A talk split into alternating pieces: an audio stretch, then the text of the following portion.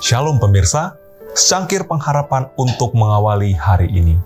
Mari, aku akan mengajar engkau.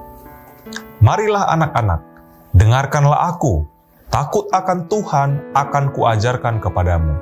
Mazmur 34 ayat 12. Roh Kudus menerangi kegelapan hati kita, memberitahukan kebodohan kita, dan memahami dan menolong kita dalam segala kebutuhan kita. Namun pikiran kita harus tetap mencari Allah. Jika keduniawian diizinkan masuk, kita tidak memiliki keberanian untuk melihat kepadanya yang merupakan sumber kekuatan dan hikmat. Berdoalah senantiasa, saudara dan saudari, dengan menadahkan tangan yang suci tanpa marah dan tanpa perselisihan Sampaikan permohonanmu kepada tahta kasih karunia dan bersandarlah pada Allah setiap jam dan setiap saat. Pelayanan kepada Kristus akan mengatur hubunganmu dengan sesama manusia dan membuat hidupmu menghasilkan perbuatan baik.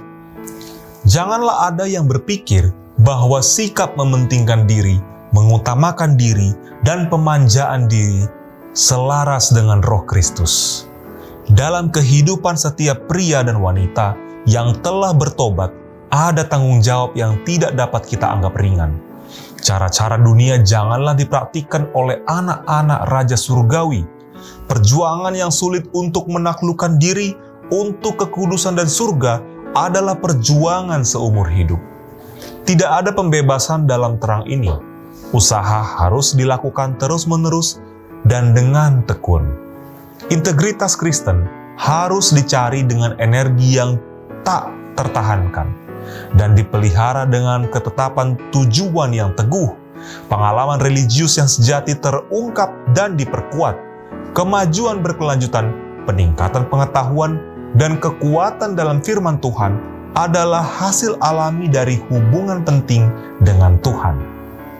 Terang kasih suci akan tumbuh semakin terang sampai hari yang sempurna.